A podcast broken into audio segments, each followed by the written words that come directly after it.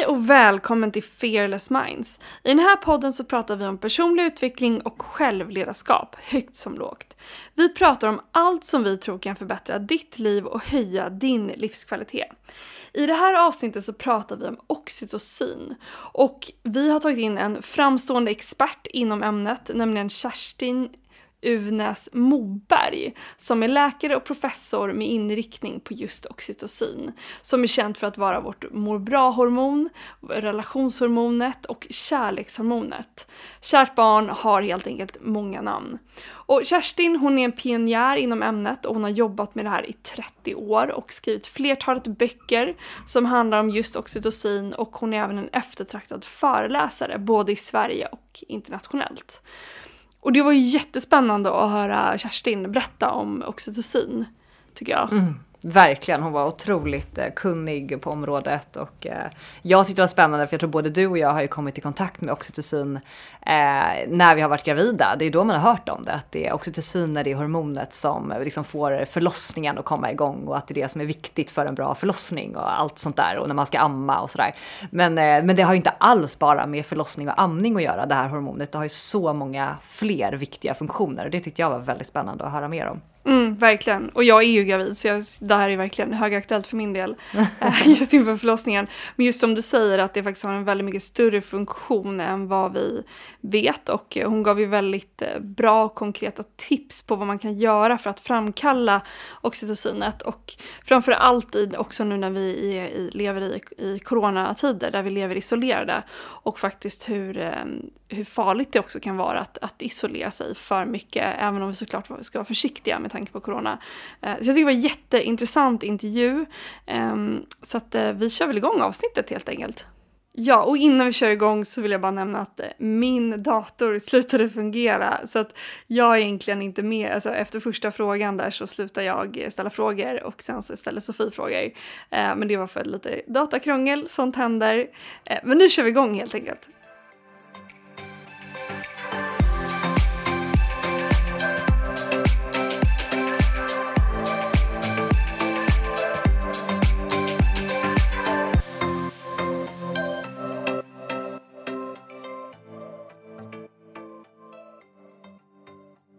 Idag så har vi en jättespännande gäst med oss idag på dag, under dagens poddavsnitt. Vi har nämligen Kerstin Uvnäs Moberg med oss som jobbar mycket med det här med oxytocin, välbefinnandets hormon. Och Kerstin, du har jobbat med det här med kvinnors hälsa och fysiologi i över 30 år och kan otroligt mycket om det. Så vi tänkte egentligen fråga dig en massa frågor just om det här med oxytocin, för det är ett väldigt spännande hormon, det är vårt må bra-hormon. Eh, så jag tänkte egentligen bara först, om du kanske vill berätta lite kort om dig själv och vem, vem du är, till att börja med. Ja, alltså jag är från början läkare, så jag läste medicin, men sen så jobbade jag aldrig så mycket som läkare utan jag gick vidare och skaffade en avhandling på, på, på en så att säga, teoretisk institution på KI, på, på institution för farmakologi. Och då blev jag biten av forskningens fluga. Och eh, till en början så jobbade jag med mag-tarmkanalen och hormoner där och mättnad och aptit. Men sen ungefär som ni säger, 30-35 år är det snart, så har jag börjat att arbeta med oxytocin som ju då inte bara är ett hormon som man tror utan en, ett samordnande system uppe i hjärnan som påverkar inte då bara blodnivåer av oxytocin utan också olika viktiga aspekter av hur vi fungerar. Okej. Och, och, och vad det här med att oxytocin inte bara är ett hormon, kan du förklara lite mer då vad det vad det är exakt? När jag började med oxytocin, då kände många till att oxytocin hjälpte till vid förlossningen och, och hjälpte till vid, vid amning. Och då gjorde det det genom att gå ut i blodet och genom att nivåerna då höjdes i blodet så kunde det påverka musklerna i livmodern och, och, och, och trycka ut mjölken. Så alla trodde att oxytocin var ett hormon, för definitionen på ett hormon är att det är en substans som finns i blodet och som då påverkar olika funktioner den vägen. Ja, men förutom då att oxytocinet är en substans som cirkulerar runt i blodet så finns det ett litet nervsystem uppe i hjärnan som innehåller oxytocin. Så att samtidigt som då oxytocin åker ut i blodet så kommer det att via små nerver som då kan man säga utgår i princip från samma ställe i hjärnan att kunna påverka flera olika viktiga områden i hjärnan samtidigt. Och det är det som gör det så intressant därför att då kan oxytocin samtidigt som det då går till ett område där det gör att vi mår bra så kan det gå till ett annat område som gör att man samtidigt stressar ner eller sänker sin stressnivå. Och så kan det gå till ett annat område där det gör att man minskar upplevelsen av smärta. Alltså det finns en hel rad av väldigt bra egenskaper av oxytocin som då på det här viset kan aktiveras samtidigt om man får god fart på sitt oxytocinsystem. Och hur gör man då, då för att få fart på sitt oxytocinsystem? det är en mycket bra fråga. Nu är det ju så att eh, alla trodde ju till en början att det bara var då hos kvinnor i samband med amning och, och förlossning. Men så är det ju inte alls. Utan män och kvinnor, gamla och unga, har oxytocin. Och i princip i likadana mängder. Det finns några små skillnader. Eh, dels i, i vad oxytocin gör mellan män och kvinnor och kanske också så att barn i princip har högre nivåer av oxytocin än vad äldre har. Vi tappar lite på slutet.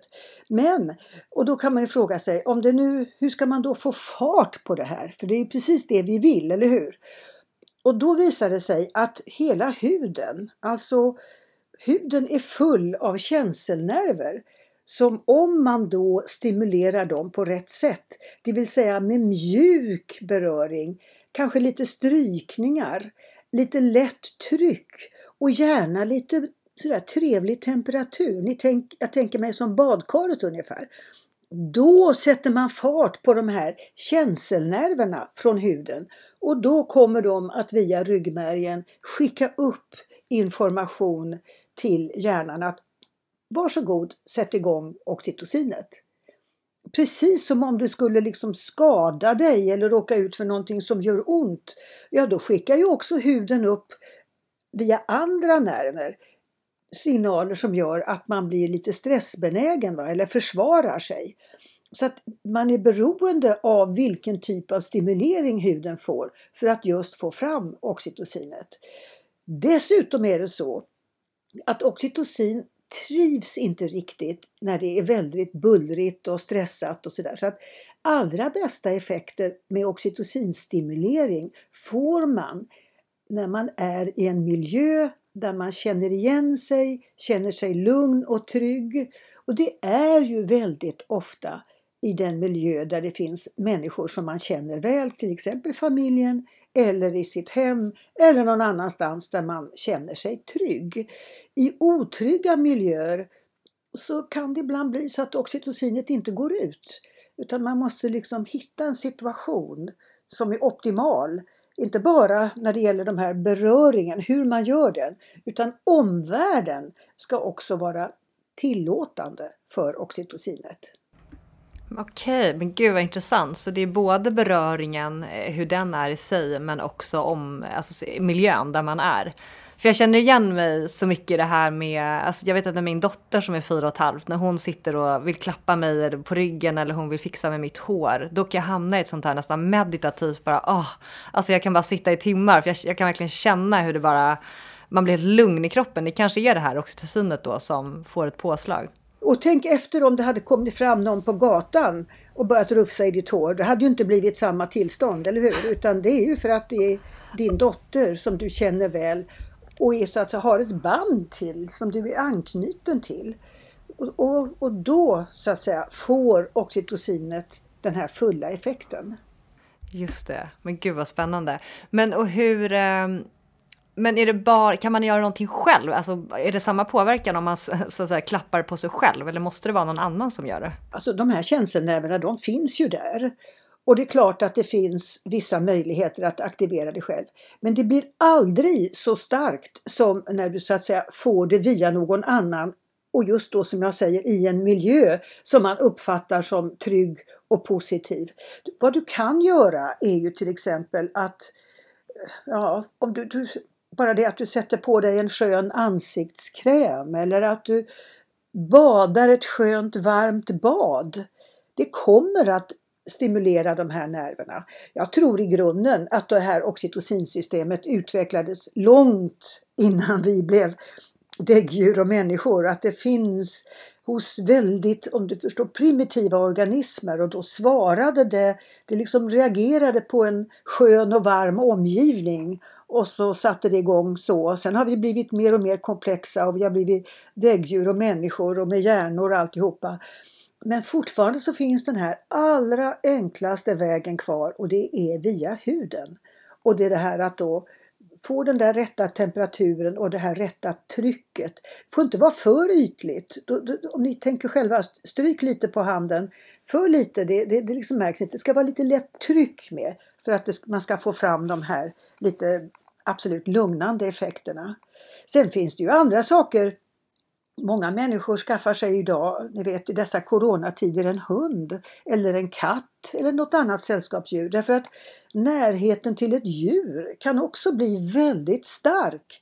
Just därför att du både klappar hunden eller katten, mjuk och gullig päls, men du tittar den också i ögonen och på sikt kommer du också att utveckla en slags relation till ditt djur där du tycker om det djuret och tycker man om någon, då betyder det definitionsmässigt egentligen att man inte är rädd för den. Man kan nästan vända på de där begreppen. Den du är rädd för tycker du inte om, den undviker du. Men den du så att säga, tycker om, vill du vara nära. Och de där grejerna ihop gör att det blir väldigt bra att ha en hund eller att liksom försöka att på andra sätt då stimulera sina egna nerver. Men som sagt det starkaste är ju ändå relationer så som man har kunnat så att säga, dokumentera det ur hälsoaspekter.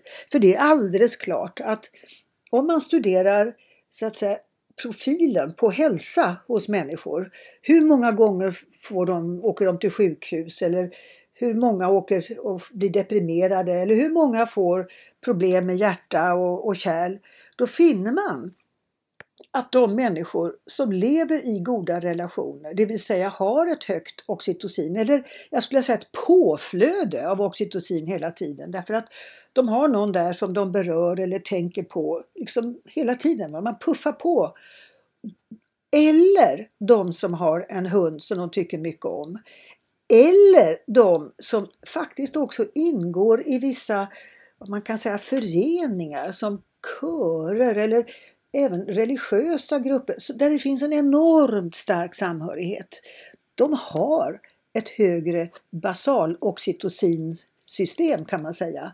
Och de kommer att i alla studier man gör när man tittar på hälsa att visa sig vara lite bättre gynnade, alltså de blir mindre sjuka. Och de har lite lägre livslängd. Och det här är ju naturligtvis då på ett sätt då väldigt orättvist. Men å andra sidan så kan man säga att det går ju att kompensera för det. Se till att man har någon form av eh, kontakt. Och det behöver inte betyda att man så att säga sitter i knät på någon hela dagarna. Men man ska ha någon där i sin närhet som man då och då får kontakt med eller uppfattar som trygg och vänlig. Så det är inte bara det där med beröringen sen utan det är att kasta en blick på och få en liten ögonkontaktstund, bli lite få, du vet, någon tittar på en, någon säger någonting positivt. Alltså att det finns kontakt, en kontaktyta runt en. Det är också viktigt för att hålla igång det här oxytocinsystemet. Och då kan ni ju tänka er vad som har hänt med det här stackars oxytocinsystemet i coronatider för de som har varit isolerade. För de har inte kunnat få tillräckligt. I viss mån, som jag sa, så kan man kompensera det här med lite att liksom stryka sig själv och, och, bada varmt vatten och sånt där. Men det blir ju inte samma eh, jätteeffekt som om man också har en god relation med någon annan varelse skulle jag vilja säga. För det behöver ju inte vara hustrun eller mannen eller barnet. Det kan vara ett djur också. Men gud vad intressant. Eh, och det är verkligen som du säger, var påtagligt i coronatider att det här måste ha påverkat något enormt. Men hur kan man då rent praktiskt som du är inne på, du var inne lite där, ge liksom en blick, eh, ha folk omkring sig. Finns det några väldigt konkreta tips om man eh, har, om man liksom har en syskonrelation, man har vänner, man kanske lever med någon. Hur kan man göra för att öka så att säga sitt eget flöde och, and, och sin partners eller kompis eller syskons eh, oxytocinflöde? Ofta kan man ju få igång det genom att, så att säga, introducera lite grann beröring. Och, du vet, det finns väldigt fina studier som visar att om man, eh, där man har tittat på hur, liksom en, om du har en parterapi, säg två stycken som är gifta och som liksom har hamnat lite taggigt om man säger så. Om man då ger lite massage till de här individerna innan, alltså olika typer av massage leder ju också till oxytocinbesättning. Om man gör, gör det. Eller det finns till och med studier som visar att om man ger man kan ge oxytocinspray, alltså man kan ge oxytocin via näsan. Och så får man en del av de här oxytocineffekterna. Om man ser till att oxytocinnivån höjs lite grann sen, och sen då försöker att få de här två individerna att närma sig varann med något mindre taggar om ni förstår, så går det bättre om de har fått höjt sitt oxytocin innan. Så att det är ett sätt att buffra. Det är ett sätt att liksom komma till tals igen om ni förstår. Att man, kan man få upp oxytocinnivån så är chansen mycket större att den kommunikation som sker sen blir lyckad. Ja, just det. Så spännande. Men det får man tänka lite på det. Du har nämnt det lite grann, men bara ännu tydligare. Vad är liksom oxytocinets grundfunktion? Är det att på något sätt hålla oss människor ihop? Att vi ska tycka om varandra och vara, liksom, gilla att vara med varandra? Eller är det just det här med att vi ska må bra? Alltså, vad, vad är den viktigaste funktionen av oxytocinet skulle du säga? Ja, det beror ju lite grann på som sagt vad du har för, för eh, vad ska jag säga, fokus på oxytocinet. Men jag tror att om du skulle se det som vad var meningen med oxytocinet hos, hos människan som ett socialt djur så är det att man håller ihop människor och på köpet får de då av oxytocin lite mer välmående, alltså man får lite aktivering av belöningssystemet, man får lite ska jag säga, dämpning av stressreaktioner, man får lite boostning av sitt immunsystem, man dämpar inflammation. Så det finns en hel del sådana här effekter som kommer automatiskt med oxytocin. Jag som då är fysiolog ser ju att de här funktionerna kanske finns även utan relationer, att de faktiskt är så fundamentala i oss att vi behöver dem att det kan vara så att andra saker än just sociala relationer aktiverar oxytocinet. Till exempel östrogen gör det lite granna, alltså kvinnliga könshormonet att det finns en eh, variation med åldrar och att det här hormonet håller oss friska helt enkelt genom att hålla ner stress och inflammation. Och då klart att välmående är en separat effekt. Men det verkar som om det sker väldigt samtidigt. Va? Man både trycker ner stress och inflammation och ökar välmåendet. Så det är inte samma nerver som gör det, men de går igång ungefärligen samtidigt. Så att det är, och ni vet att om man nu är så att du upplever att du mår bra och känner dig lugn och trygg när du är nära människor som du känner till exempel. Ja, vad gör man då? Ja, då vill man ju vara där. Förstår ni? Det blir en signal till oss att vara hos dem, med dem, där vi känner oss bra. Och det är ju inte ett ord, det är ingen order, utan de här impulserna sker ju på mycket, mycket djupt plan inom oss. Det sker omedvetet, men det är klart att vi vill vara där vi känner oss lugna, sköna, trygga, varma, avkopplade och mår bra. Då går man dit och då stannar man där. Medan om man tycker det är obehagligt någonstans, det behöver inte lukta illa, men det kan vara taggigt eller göra ont eller någon skriker eller någon är besvärlig. Ja, vad är naturligt? Ja, man går därifrån. Så det finns liksom två system i oss. En som drar oss ifrån varann och ett som drar oss till varann. Och oxytocinet i princip drar oss till varann. Sen finns det som alltid undantag och som jag sa, yttre stress är en faktor när man inte får fram oxytocinet riktigt. Och det finns en del andra sådana här situationer. Men i princip så är det så. Och att det här är ett urtida system som kanske då, jag vet inte, men jag kan tänka mig att om, du, om det finns små i, i, i, organismer, i tidiga djur. Alltså oxytocinet finns ju hos alla individer. Det finns fiskar och fåglar och det finns hos blommor och det finns överallt. Att de så att säga det, de reagerar på de positiva signalerna.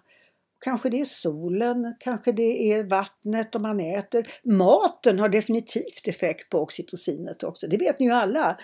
Att om man har ätit ett, en, lite god mat så mår man lite bättre och man blir lite mer samtalsbenägen om man nu har några människor runt sig. Så att äta är också ett sätt att få fram oxytocin. Och det tror jag många har ägnat sig också åt i coronatider. Mm. Och jag tänker på det du säger med, med stress, att det hämmar eller gör att det, att det inte kan gå ut i kroppen. Jag tänker vi, vi lever i ett samhälle där vi stressar något enormt. Eh, hur har det påverkat eh, människor på kanske individnivå men också ur ett liksom, större perspektiv, ser du? Alltså det här är ju en så enormt viktig fråga. Därför att vad jag tror ändå har hänt är att man kan väl säga att vi hela tiden utsätts för en viss stress, eller hur? Det gör vi ju. Vi måste göra saker, du ringer i telefonen och allting sådär. Men normalt sett så ska vi också hela tiden utsättas lite grann för sådana här oxytocinimpulser. Ett vanligt eh, liv så är det ju liksom både det goda och det onda. Men i vår tid när man är egentligen uppmanad att vara väldigt självständig, assertive, ni vet, klara det själv, gör det själv, sitt vid skärmen, så tror jag att mängden input från det här som stimulerar oxytocinet relativt sett har förlorat, om du förstår, i balansen mot stressen. Och det här måste ju leda till att det blir en skörhet i samhället där man kan tänka sig att nivån av ångest och oro ökar lite grann, du vet på samhällelig nivå. Och också förstås att om man skulle minska om man skulle öka beröringen och, och det här positiva inflödet från relationer så skulle man inte bara vara lite friskare också. Det finns faktiskt en artikel som jag läste alldeles nyss där hon, författaren jämför alltså isolering, nu talar vi om isolering, va? det är ju extremen förstås. Och då säger hon att var, leva isolerad är lika farligt som att röka 15 cigaretter om dagen eller vara överviktig. Så att det är, det är en direkt, förstår ni, attack. I och med att man inte har de här lugnande systemen som dämpar stressen och, och gör att vi känner oss nöjda. Ja, det är ju det, är ju, det blir ju lite grann av ett eh, stressaktivering. Nu lever ju sällan folk så totalt isolerade, som är totalisolerade. Men om man tar, det finns ju naturligtvis en gradvis förändring.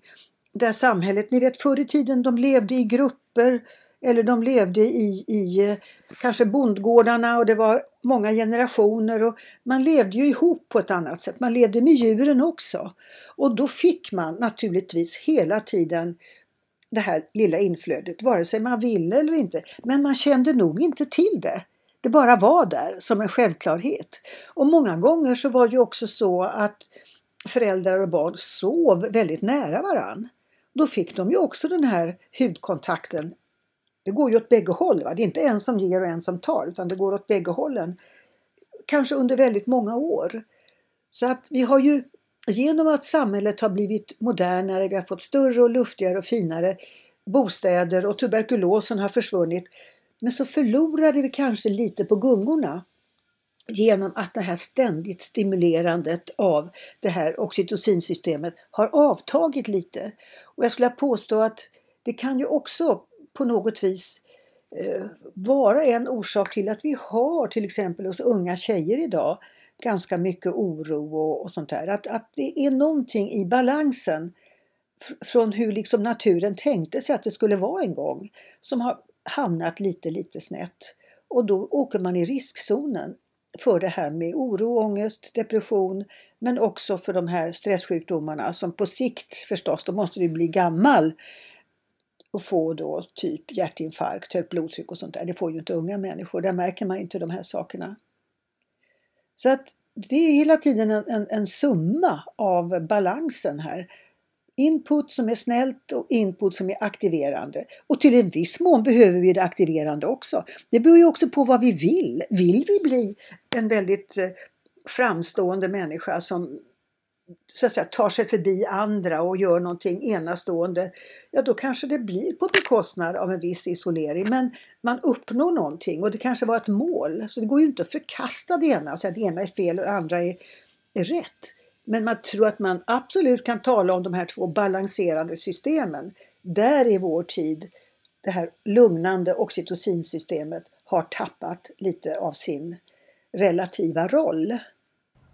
Mm, för det känns ju, alltså i och med att vi pratar mycket om det där generellt i vår podd, om det här med återhämtning, att det är så viktigt eh, för, eh, för kroppen och allting. Och eh, är det, är det det vi behöver mer av? Att aktivt få in de här pauserna där vi återhämtar oss? Och...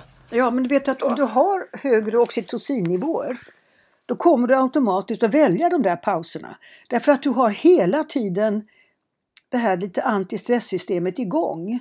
Och du kommer att ha mer nytta av dem. Alltså, det är inte så att det här antistress eller oxytocin bara verkar en enda liten sekund då och då. Utan det ligger på hela tiden som en liten buffert. Du blir inte lika arg kanske när du är arg. Du blir inte fullt så stressad när du är stressad. Därför att det här systemet buffrar. Det är inte bara att det dämpar stress utan det finns som en liten justerare som är där hela tiden och gör att du tar det lite lugnare. Jag vet inte om du har sett det. Jag, vet inte. jag hade en god vän en gång som han var tyckte jag, alltid lite ilsk. Man var lite rädd för honom. Han var en av lärarna på den institution där jag var. Och, och man undvek liksom att vara för nära och det var bäst att liksom ha gjort det man skulle gjort när man träffade honom. Ja, och sen skilde han sig och fick en ny fru. Och han var ju så oerhört förälskad, man kunde ju se det här. Och han blev ju snäll som ett lamm. det påverkar ju hur man så att säga beter sig, va? Hur, hur ens oxytocin, inre oxytocinspegel är. Och det är klart att det var en extrem, men det var för att man såg skillnaden inom en och samma person. Men många av oss ligger säkert lite grann åt minushållet i vår kultur. Medan de inte gör det kanske i andra kulturer där de just har en annan familjekonstellation och, och eh, ja, kanske varmare ute också. Jag tror faktiskt att det här med temperaturen gör att vi behöver liksom extra mycket av närhet och värme för att kompensera för den här otäcka kylan som vi har här uppe och mörkret, för att inte tala om det.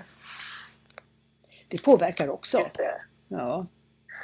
Så vad är, men vad är dina bästa tips? Har du några egna tips i din vardag som du eh, gör, alltså rutiner eller förhållningssätt för att öka på ditt oxytocin? Se till att inte vara ensam för mycket.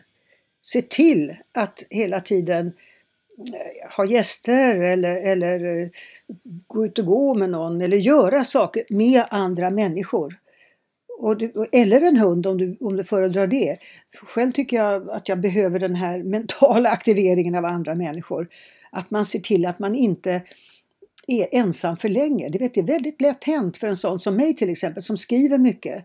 Att man lite grann isolerar sig när man sitter och skriver för att koncentrera sig.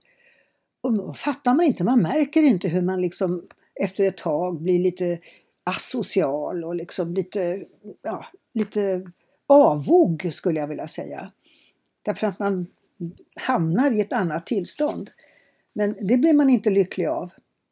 Utan det är viktigt att hålla igång relationerna även om det är svårt. Och telefon är ju ett sätt, det räcker inte fullt ut men det är ju bättre än att eh, inte ha någon kontakt alls. Eh, jag tror att, ni vet att om man talar om vad som förmedlar en käns god känsla så finns det studier som visar att om du sänder ett budskap, det kan säga, du kan kalla det jag kan säga, en rekommendation eller någonting. Om du sänder det via ett sms eller säger samma sak på telefon så får du en bättre reaktion via telefonen därför att rösten, särskilt om det är en vänlig röst, en varm röst, kommer att sätta igång ditt oxytocinsystem. Och då kan man se att när du förmedlar det här meddelandet så går oxytocinet upp och din stressnivå sjunker. Det sker inte när man läser samma sak på ett sms. Därför det blir bara det här synintrycket. Så att allt som förmedlas via positiva kontakter är mer länkat till att du får lite oxytocin också. Men gud vad intressant. Det är ett superbra tips då, tänker jag, i relationer med vänner eller partners eller kollegor. Att istället för att skriva ett mejl eller ett sms, att lyfta på luren eller säga det när man ses. Och framför allt om du verkligen vill att de ska lyssna på vad du sa och ta in det. Därför att det finns andra studier som visar att om du verkligen säger någonting så att den andra, när den andra människan känner sig trygg, det vill säga när du pratar någonting, då är chansen mycket större att man lär sig det och tar in det. Du kan ju till exempel jämföra med ett besök hos doktorn. Om någon kommer in till doktorn och är rädd, tror du han kommer ihåg vad doktorn sa att det var för sjukdom och inte? Han har ingen aning när han går ut igen utan kanske anmäler doktorn för att inte ha givit rätt råd allt vad det var. Men om den här doktorn eller någon, någon annan person runt om har haft ett vänligt bemötande och varit mjuk och vänlig så att den här personen känt sig lugn och trygg, ja då hade budskapet gått in. Och då tar man emot det och kan så att säga bearbeta det den vägen. Det spelar sån enorm roll hur så att säga ett budskap eh, formuleras. Och det är klart att det här med e-mail och skicka mail och grejer, det är ju fantastiskt och det är nödvändigt. Men det finns nog ställen och situationer när det kan vara bättre att också lyfta på luren för att vara säker på att man har fått riktig kontakt. Och till och med tror jag att, att det ska vara ännu viktigare att då och då mötas också rent in vivo. Det fascinerade mig, jag vet inte om ni såg det, men inför Brexit-förhandlingarna så var det ju sådana problem därför att coronan härjade och då hade man ju då inom EU och från Englands sida haft en massa eh, sådana här eh, Zoom-samtal eller vad de nu har för något fantastiskt program. Man kom ju aldrig fram. De kunde inte komma fram till något avtal därför att man sitter där och pratar och det studsar. Utan de var tvungna att, smittan till trots, mötas fysiskt några gånger och då fick de fram ett avtal. Man, man kommer inte hela vägen om man nu vill nå ett avtal så att säga. Och det beror just det på att man måste så att säga få fram den där tilltron. Och det kan man få när man talar med någon i, i, i real life så att säga. Och då får man väl se till att just de här essentiella situationerna är när man möts eller när man talar i telefon. Det tror jag är second best, absolut. Men att just bara bokstäver och ord, det går ju mer om ni tänker till högre områden i hjärnan. Det talar ju mer till frontalloberna där vi tänker och minns och sånt där. Medan rösten och beröringen, det går ju mer ner till de här djupa äldre delarna av hjärnan. Där vi så att säga känner, där vi mer har den här uppfattningen att allting är bra och, och, och det här vill jag höra på. Eller tycker att vad är det här för någon obehaglig situation, det här vill jag inte vara med om. Och det är liksom inte medvetna sådana här processer, de ligger mycket djupare. Och de aktiveras till högre grad i riktiga möten med människor. Till exempel då eh, att man talas vid eller att man riktigt ses.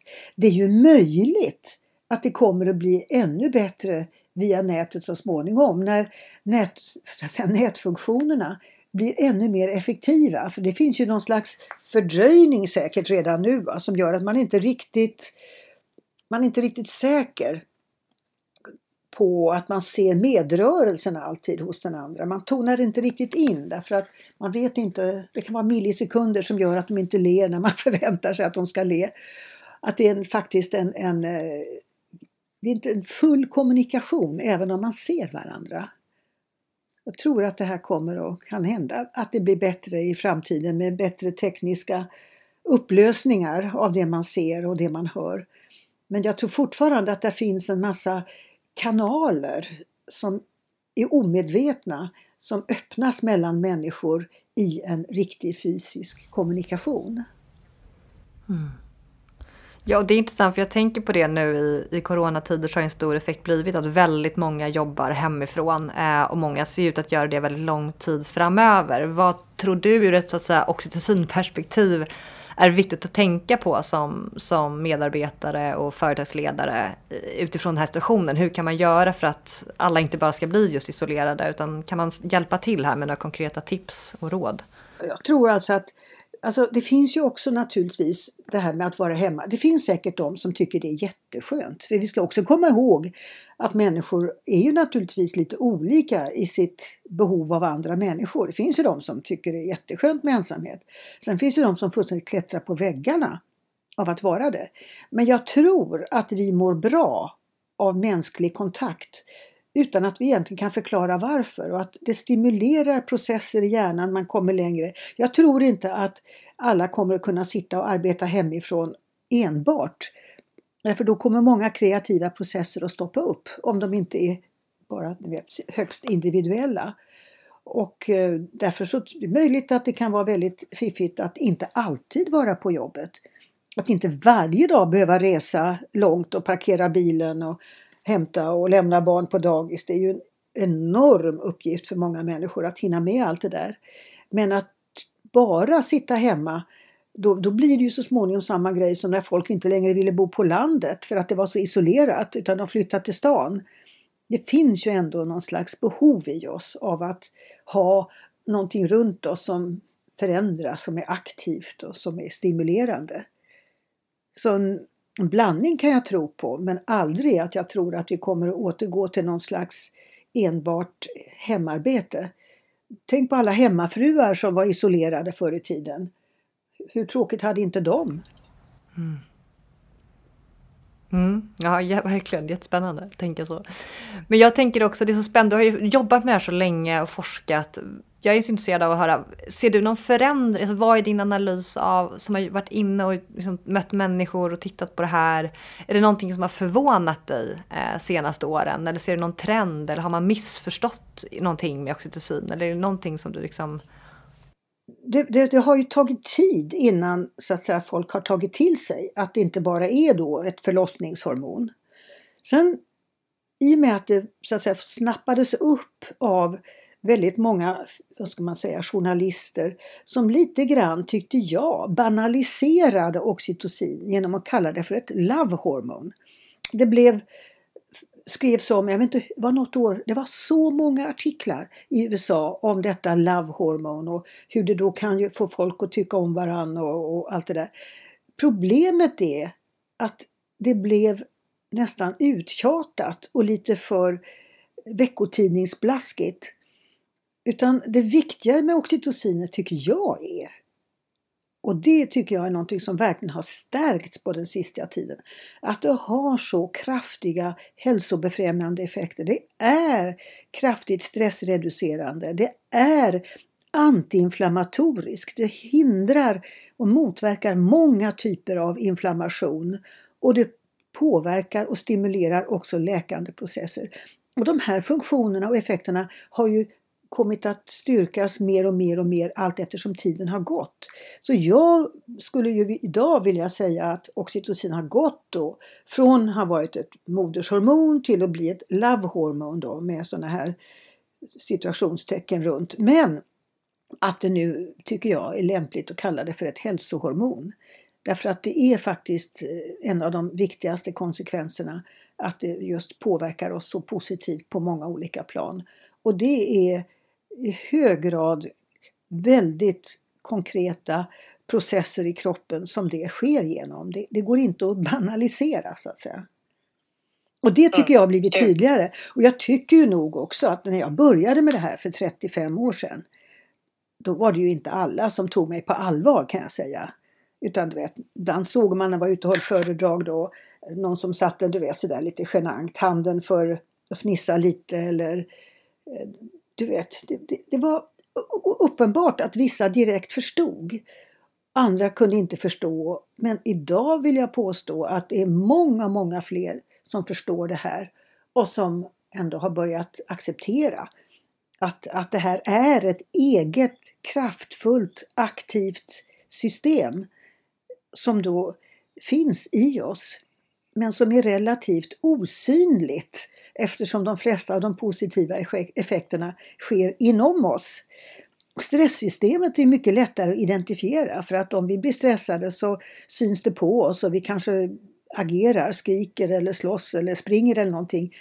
Det gör man ju inte om man har en ett stor aktivitet i oxytocinsystemet. För man, då är man ju lugn och nöjd och, och sitter still kanske och interagerar på ett mer fridsamt sätt. Så det är det har liksom släpat efter. Men att det är en enorm skillnad i graden av acceptans och jag tycker särskilt de sista åren. Gud vad spännande! Väldigt intressant att höra din, eh, din syn på det. Var hittar man dig? Vilken är din hemsida? Den heter Kerstin Uvnas Moberg i ett ord, .se. Ja men superbra. Och det är där, har du någon mail eller något eh, sociala medier-konto eller är det hemsidan man kontaktar dig? Jag har också ett Facebook och ett, ett Instagram-konto. Och det heter väl likadant misstänker jag. Ja. Ja men superbra.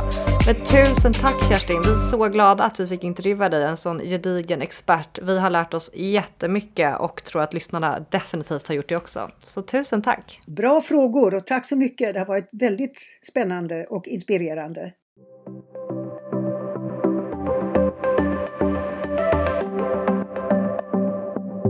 Har du tagit del av vår gratisguide som heter The Secret to Boosting Your Self-Confidence today?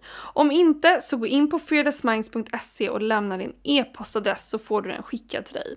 Och går du till vår hemsida fearlessminds.se så får du också reda på när vi ska ha vårt nästa webbinar vilket kommer den 19 maj. Se till att inte missa det.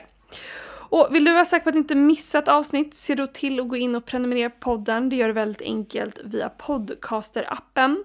Och är det så att du gillar podden så får du jättegärna gå in och ge oss en femma i betyg på iTunes. På så sätt så gör det oss väldigt glada, men det hjälper också fler att hitta podden. Och det var allt för oss den här veckan. Vi ses igen nästa vecka. Ha det bra! Hejdå!